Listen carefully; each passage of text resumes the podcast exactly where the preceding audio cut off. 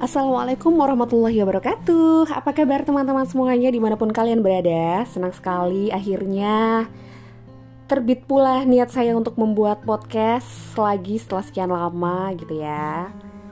Semoga kalian semua dalam keadaan sehat walafiat. Mohon maaf lupa tadi openingnya 54.5 Manca FM Masih bersama dengan Sesius Ya. Apakah kalian semua mengira saya sedang bahagia? Ya, selamat Anda salah karena sebenarnya saya sekarang sedang agak-agak galau guys. Tapi hidup harus selalu berjalan. Kita tidak boleh patah hanya karena satu jeglongan gitu. Kalau Jawa bilang jeglongan. Jeglongan itu artinya adalah kita tidak boleh patah hanya karena satu lubang di mana kita jatuh dalam lubang tersebut gitu. Tapi pastikan kita mengingat-ingat bahwa penampakan seperti itu adalah lubang yang tidak boleh kita terjatuh lagi untuk kesekian kalinya di tempat yang lain gitu. Mohon maaf ini harus agak-agak berapi-api karena saya saat ini sedang menyugesti diri gitu ya. Agar bisa lebih strong. Hehe, strong. Agar bisa lebih strong dan ridho terhadap segala ketetapan Allah gitu. Jadi saya ingin update bahwa Alhamdulillahirrohmanirrohim saya baru saja mengalami gagal ta'aruf lagi untuk sekian kalinya. Tapi it's okay itu adalah hal yang normal gitu. Karena biar bagaimanapun itu adalah kehendak Allah yang memang harus terjadi gitu ya. Sebaik apa pun semenarik apa pun kita kalau dan profil daripada ikhwan yang sedang bertaaruf dengan kita kalau Allah tidak menghendaki kita untuk berjodoh ya tidak akan pernah bisa berjodoh gitu loh. Intinya jangan pernah menyesali performa kita di dalam ta'aruf itu yang berakibat uh, eh, yang bukan berakibat ya kalau berakibat itu kesannya kayak kita gagal karena performa kita tidak bagus. Tidak seperti itu. Bahwa sebenarnya Allah itu tidak membutuhkan asbab untuk menjadikan atau tidak menjadikan sesuatu. Artinya, kalau kamu mau berproses, berproseslah. Tetapi hasil daripada proses yang sudah kamu lakukan itu adalah dua hal yang terpisah gitu loh. Jadi, saya putuskan untuk tetap semangat dan husnudon terhadap semua ketetapan yang sudah Allah berikan karena kita manusia kadang mengukur itu salah. Kita manusia timbangan kita salah.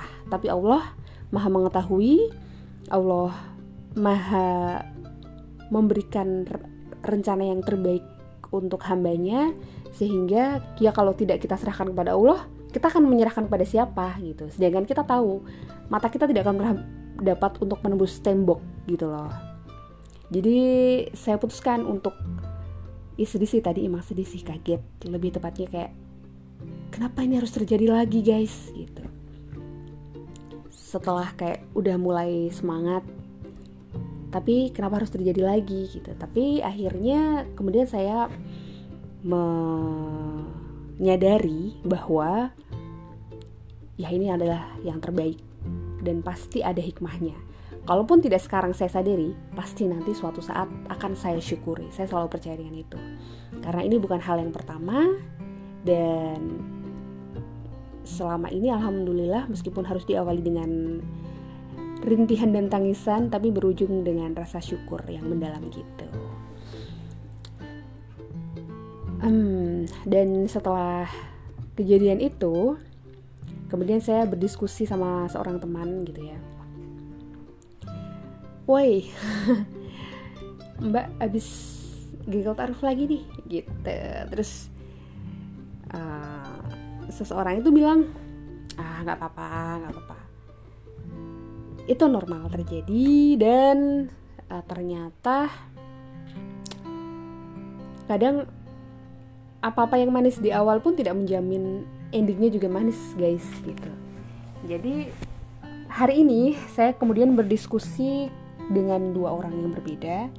Dan keduanya juga menyampaikan tentang beberapa kisah hikmah yang barangkali bisa saya jadikan sebagai motivasi atau inspirasi gitu ya supaya tidak larut dalam kesedihan gitu. Karena saya juga manusia biasa pasti ada rasa sedih ada rasa kayak kayak koyo.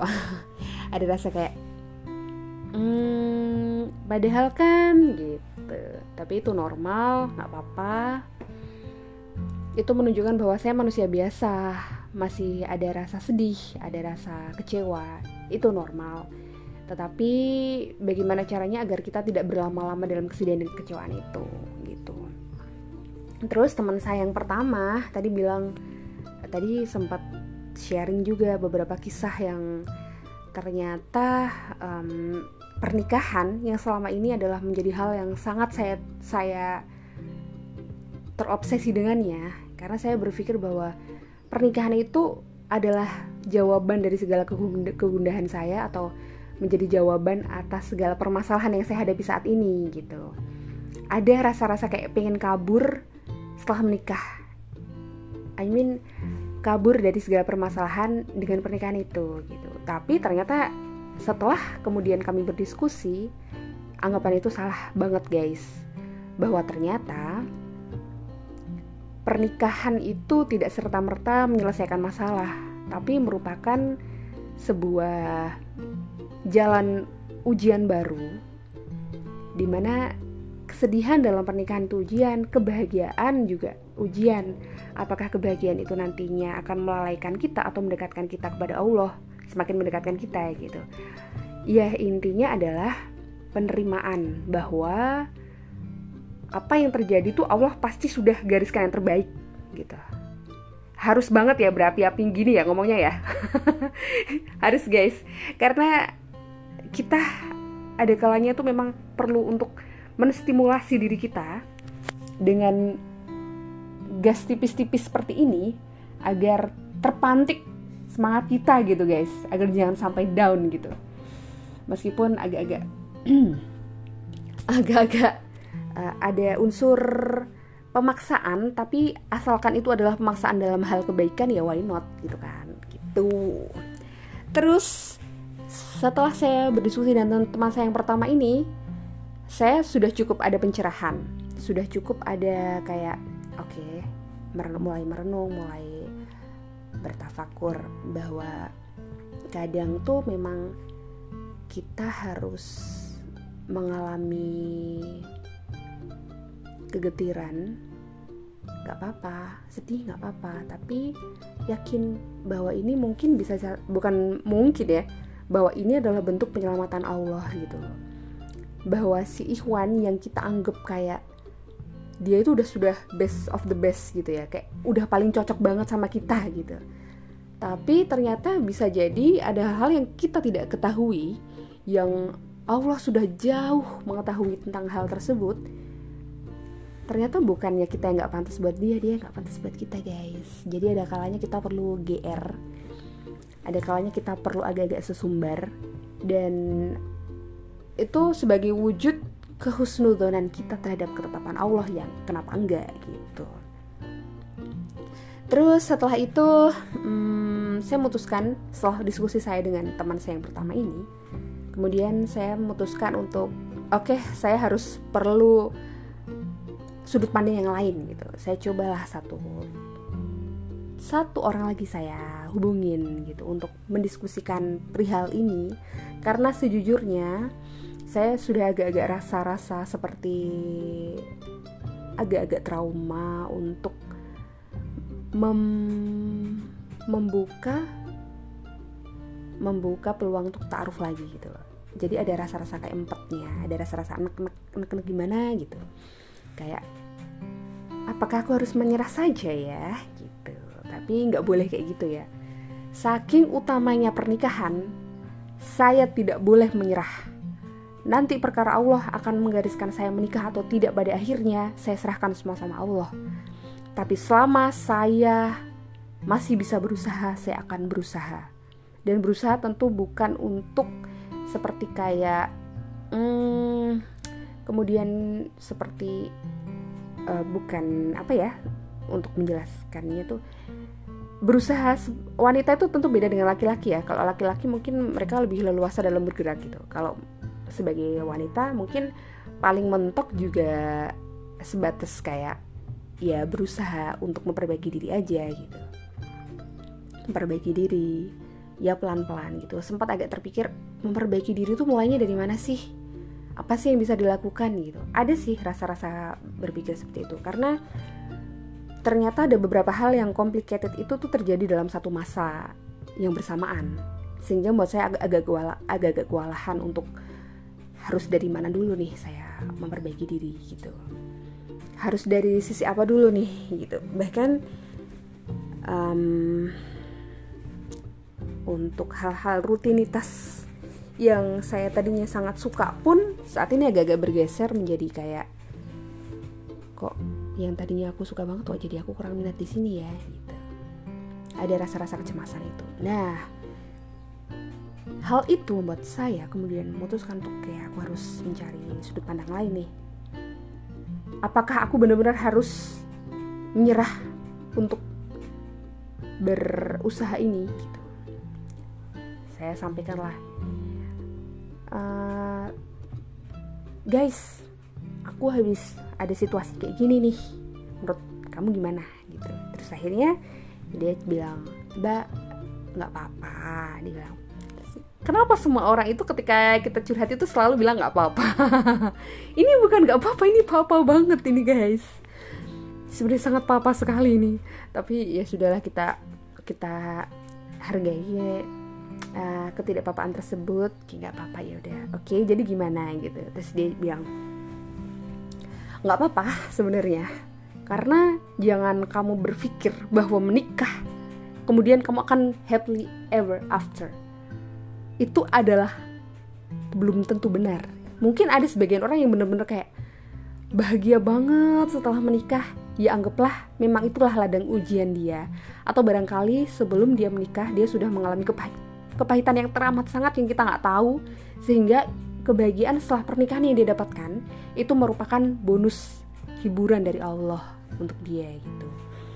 Jadi jangan serta-merta membandingkan kehidupan kita dengan orang lain atau bahkan bisa jadi kebahagiaan yang dia tampakkan kepada kita itu sebenarnya tidak semulus yang kita lihat. Ada banyak hal yang dia dia tidak tampakkan gitu. Jadi ada banyak kemungkinan So, berhenti untuk membandingkan diri kita dengan orang lain. Apa pun yang terjadi, apa pun yang kita punya dan apa pun yang terjadi pada diri kita, jangan bandingkan dengan apa yang terjadi dan apa yang dimiliki orang lain. Karena Allah itu Maha Adil, sudah pasti. Tentu segala yang Allah berikan kepada hambanya itu sudah pasti seadil-adilnya. Kalaupun tidak di dunia, pasti di akhirat akan Allah lunasin gitu. Terus dia bilang gini teman saya tuh dia bilang gini pernikahan itu tidak serta merta membuat kita bahagia. Dan bagi orang-orang yang kemudian diuji dalam pernikahannya bisa jadi mereka mendambakan kesinggelan seperti yang sekarang sedang kau genggam gitu. Kurang lebih tuh kayak gitu. Saya tidak bisa menceritakan secara persis seperti kata-katanya karena saya lupa tapi esensinya adalah seperti itu. Intinya ketika kamu mendapatkan sebuah pernikahan bisa jadi orang lain yang sudah menikah kodarullah diuji dalam pernikahannya dia sedang benar-benar mendambakan kesinggalan yang sedang kamu genggam. Gitu. Terus saya hmm, ngeri juga nih kalimatnya. Terus oke oke okay, lanjut lanjut lanjut gitu kan. Terus dia bilang ya kalau bagi perempuan itu kalau menikah ya alhamdulillah kalau dapat yang kita yang cocok dengan kita. Tapi kalaupun Allah tidak menghendaki untuk itu terjadi ya nggak apa-apa. Terus bukan berarti kita nggak bisa bahagia gitu loh. Yang penting kita berusaha untuk menjadi wanita yang mandiri. At least kita bisa mencukupi diri kita sendiri. Dan syukur-syukur kita kayak bisa berbagi dengan orang lain di sekitar kita gitu. Intinya jangan mengkotak-kotakan kebahagiaan itu dengan sebab bahagia karena sudah menikah, bahagia karena sudah punya anak, bahagia karena sudah punya pekerjaan, bahagia karena sudah punya rumah sendiri, apa segala macam. Jangan pernah mengkotak-kotakan kebahagiaan itu karena sebab karena ada kalanya tuh kita merasakan kebahagiaan atau kesedihan tuh juga tanpa sebab gitu loh. karena kebahagiaan dan kesedihan itu mutlak adalah hak Allah kapan pun bisa Allah berikan sekarang kita kaya raya sekalipun tiba-tiba Allah ambil juga bisa. Kita nggak punya apa-apa Allah kasih juga bisa. Jadi segala hal yang ada di dunia ini tuh sifatnya super duper sementara dan suka-suka Allah gitu kan mau kapan berikan dan kapan ambil. Jadi jangan pernah gantungkan kebahagiaan kita tuh melalui benda atau uh, sesuatu yang atau rasa benda atau rasa gitu karena bisa jadi benda atau rasa itu itu bukan bisa jadi. Karena benda dan rasa itu tidak kekal. Gitu. secinta apa pun kita dengan pasangan kita seandainya pun dia bisa membahagiakan kita banget itu pun juga tidak akan pernah bersamai kita selamanya. Mentok-mentok juga umur berapa sih kita akan berpisah gitu. Jadi jangan bulat-bulat menggantungkan kebahagiaan kita dengan sebab karena sebab itu bisa berganti sepersekian detik sesuai dengan perintah Allah. Kalau Allah sudah perintahkan kun fayakun, benda itu bisa ada atau benda itu bisa hilang dengan semudah yang Allah kehendaki. Jadi intinya adalah saya masih belajar. Mungkin saya juga mungkin tidak seterampil itu untuk menyampaikan apa yang saya rasakan. Tapi saya berusaha untuk mudah-mudahan Allah memberikan teman-teman semua pemahaman untuk dapat mengerti apa yang ingin saya sampaikan bahwa percayalah segetir apa pun kejadian yang sedang kita alami itu pasti yang terbaik dari Allah. Bisa jadi itu merupakan sarana untuk kita dapat melebur dosa-dosa kita ataupun bisa menjadi ladang pahala untuk kita dengan bersabar ataupun itu juga bisa saja merupakan DP yang harus kita bayar untuk kebahagiaan yang akan kita dapatkan di masa yang akan datang. So, jangan pernah putus harapan dari rahmat Allah. Ini sebenarnya lebih cocok untuk diri saya sendiri, nasihat untuk diri saya sendiri. Jangan pernah berputus asa dari rahmat Allah karena bisa jadi apa yang kita tangisi saat ini menjadi hal yang sangat kita syukuri di masa yang akan datang. Tetap semangat dan tetap bertawakal kepada Allah. Terima kasih. Wassalamualaikum warahmatullahi wabarakatuh.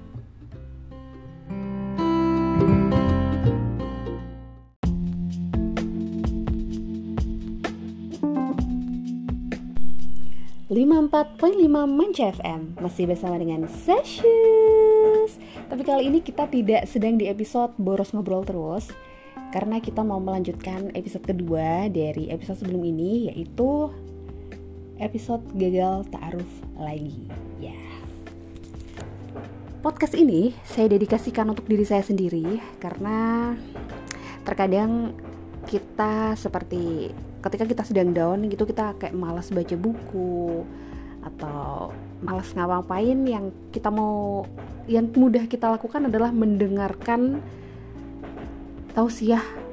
Dan kadang tausiahnya itu kodarullah mungkin ketika kita lagi lagi agak-agak malas untuk searching searching dan googling googling gitu kita dapatnya yang tidak sesuai dengan apa yang ingin kita dengar gitu. Jadi tujuan saya membuat podcast ini adalah saya ingin meng-highlight beberapa hal yang barangkali ketika saya mengalami hal yang sama lagi atau sedang down atau apa pun itu, saya akan mudah untuk mendapatkan materi-materi yang ingin saya dengarkan gitu di highlight ini.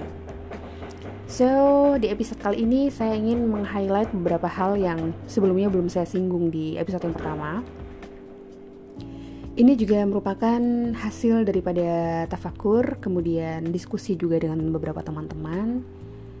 Dan saya memperoleh beberapa hal yang sepertinya sangat penting untuk bisa dijadikan sebagai acuan agar bisa lebih baik lagi dalam proses taruh yang akan datang gitu.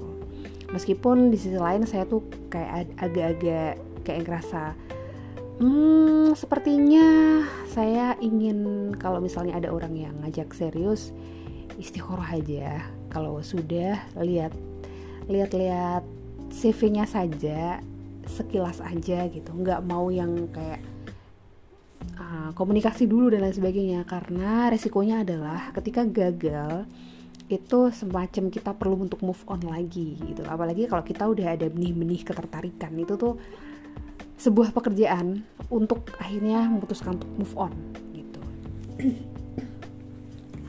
jadi intinya ada beberapa hal yang perlu saya garis bawahi dalam podcast kali ini yang mungkin bisa bermanfaat juga bagi teman-teman yang sedang sedang berjuang untuk bertemu dengan jodoh dunia akhiratnya insya Allah. Yang pertama adalah jangan membahas masa lalu kita dengan calon pasangan kita atau si calon ta'aruf kita. Kenapa?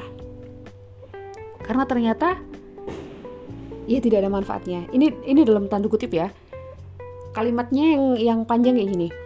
Jangan membahas tentang masa lalu dengan calon ta'aruf kita tanpa alasan yang jelas dan bisa diterima gitu. Misalnya, calon pasangan ta'aruf kita itu berstatus duda atau janda mungkin gak ada salahnya juga kalau sekedar menanyakan kayak kamu kenapa berpisah? gitu. Tapi cukup poinnya saja tidak perlu cerita detail gitu. Meskipun bagi saya setelah saya melalui beberapa beberapa ta'aruf yang lalu seperti kita tanya tentang masa lalu pun juga belum tentu dia akan menceritakan yang secara gamblang gitu loh. Ngerti nggak? Misalnya kalau kita kamu kenapa berpisah dengan mantan istrimu? gitu. Terus dia dia bilang karena karena misalnya ini ini permisalan ya karena kami um, karena istri saya memiliki pendapatan yang lebih tinggi daripada saya dan sehingga itu memicu konflik dalam rumah tangga kami gitu. Dia bilang kayak gitu, tapi bisa jadi ada hal-hal yang tidak dia sampaikan. Misalnya kayak hal-hal lain lah pokoknya saya juga nggak bisa sebutin. Ini karena cuma contoh. Nah, jadi kesimpulannya kamu menanyakan masa lalunya terhadap dia pun juga bukan sebuah jaminan bahwa memang itu yang sebenarnya terjadi gitu loh jadi dalam ta'aruf ini benar-benar yang diperlukan adalah penerimaan kita kesiapan kita dan keridoan kita untuk menerima satu paket dari pas, calon pasangan kita mau baik mau buruknya benar-benar kita lillahi ta'ala kita pasrahkan diri kepada Allah karena pertama manusia sifatnya adalah dinamis dia akan mudah berubah gitu yang baik jadi buruk, yang buruk jadi baik. Jadi kita jangan judgmental terhadap apa yang kita lihat pada waktu itu saja. Gitu. Kemudian ya itu tadi bener-bener yang perlu digarisbawahi adalah penerimaan. Penerimaan dan kesiapan.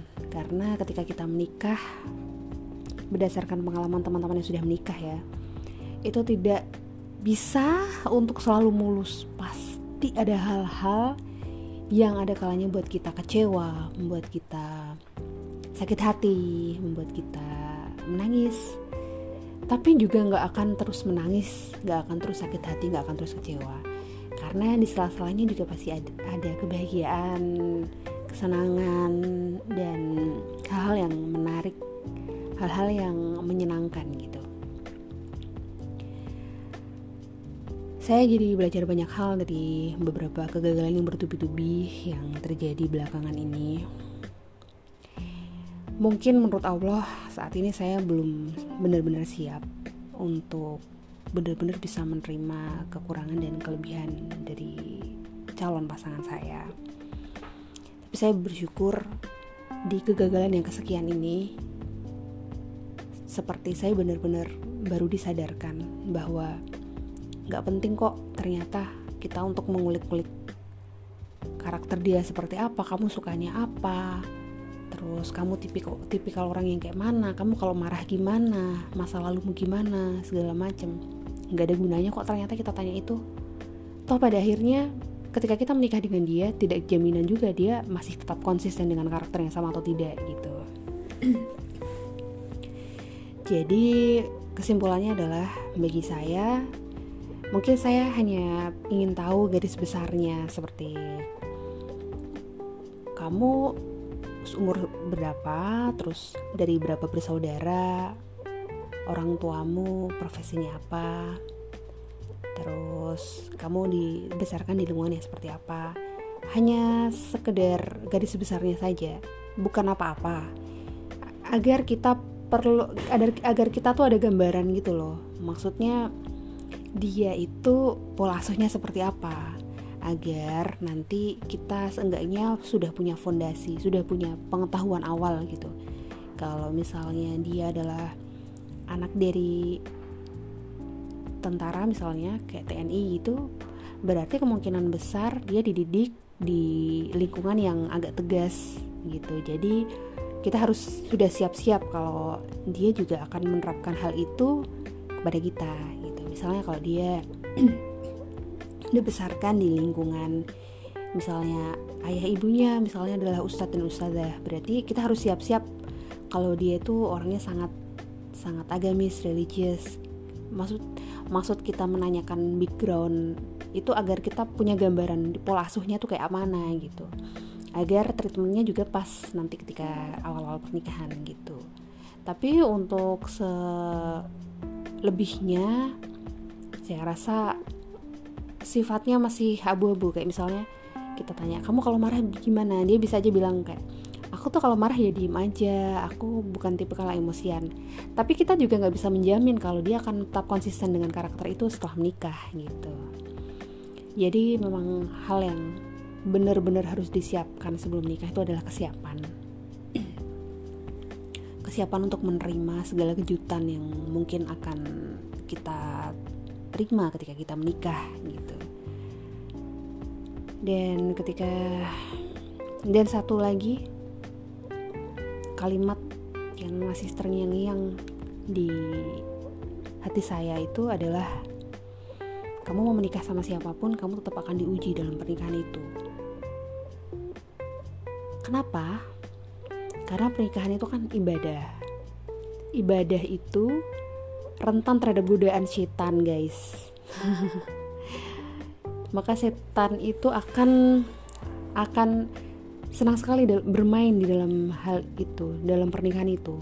Karena kita tahu bahwa salah satu prestasi terbesar setan adalah memisahkan suami dan istri. Gitu. Jadi kita harus siap-siap dengan segala kemungkinan yang terjadi pasca pernikahan. Karena adanya campur tangan setan itu. Dan satu hal yang seperti tadi saya bilang yang membuat saya sangat terkesan adalah dia bilang kamu menikah dengan siapa pun kamu pasti akan diuji. Dan setelah saya pikir-pikir ternyata bener juga. Bisa itu ujiannya di depan di tengah pernikahan atau di ujung pernikahan atau terus selang-seling segala macam gitu. Jadi jadi sebenarnya ini tergantung kesiapan kita dalam menerima pasangan kita. Dan untuk hal ini saya berhusnudon saja. Mungkin menurut Allah memang saya belum siap untuk itu gitu. Saya harus masih perlu banyak belajar dalam penerimaan dalam keridoan menahan ego dalam ilmu segala macam. Semoga Allah melampangkan hati kita semua dan menjaga kita untuk terus berada di koridor yang benar sesuai dengan syariatnya. Meskipun nggak akan bisa sempurna, tapi seenggaknya ada perbaikan di setiap harinya gitu.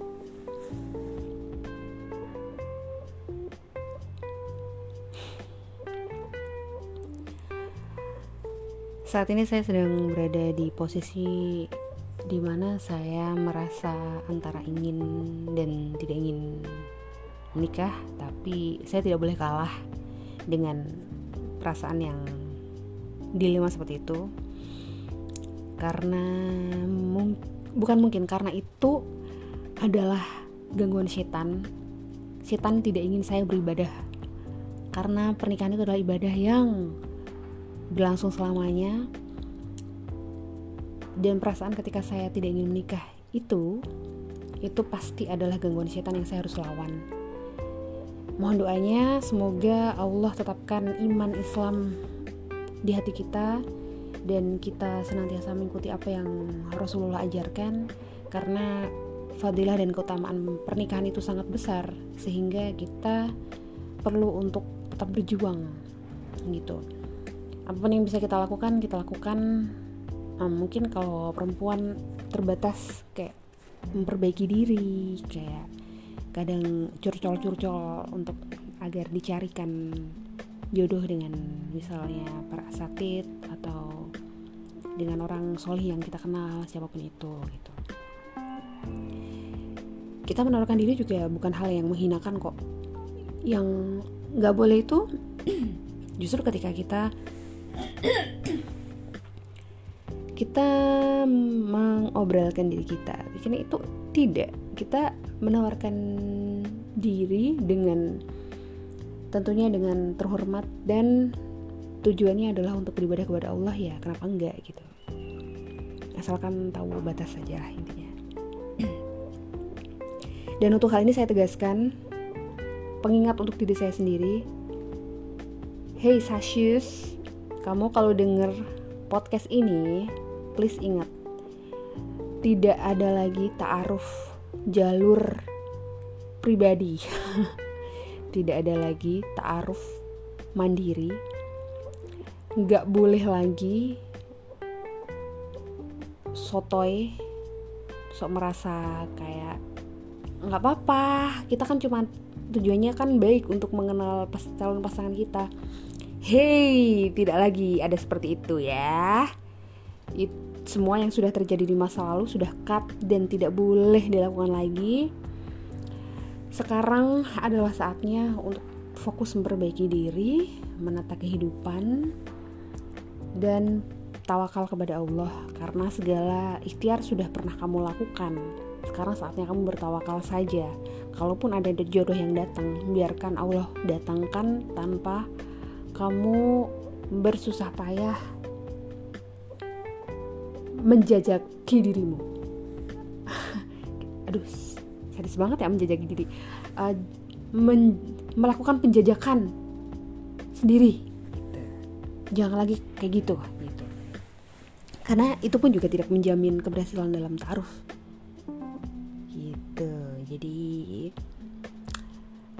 ya intinya itu akan menjadi terakhir untuk saya. Taruh jalur jalur mandiri itu adalah taruh jalur mandiri seperti yang sudah saya lakukan selama ini tuh dan terakhir. Nggak akan ada lagi nggak. Nanti kalau ada lagi yang datang saya pastikan tidak akan ada komunikasi dengan saya kecuali untuk membahas masalah surat menyurat pernikahan. Oke. Okay.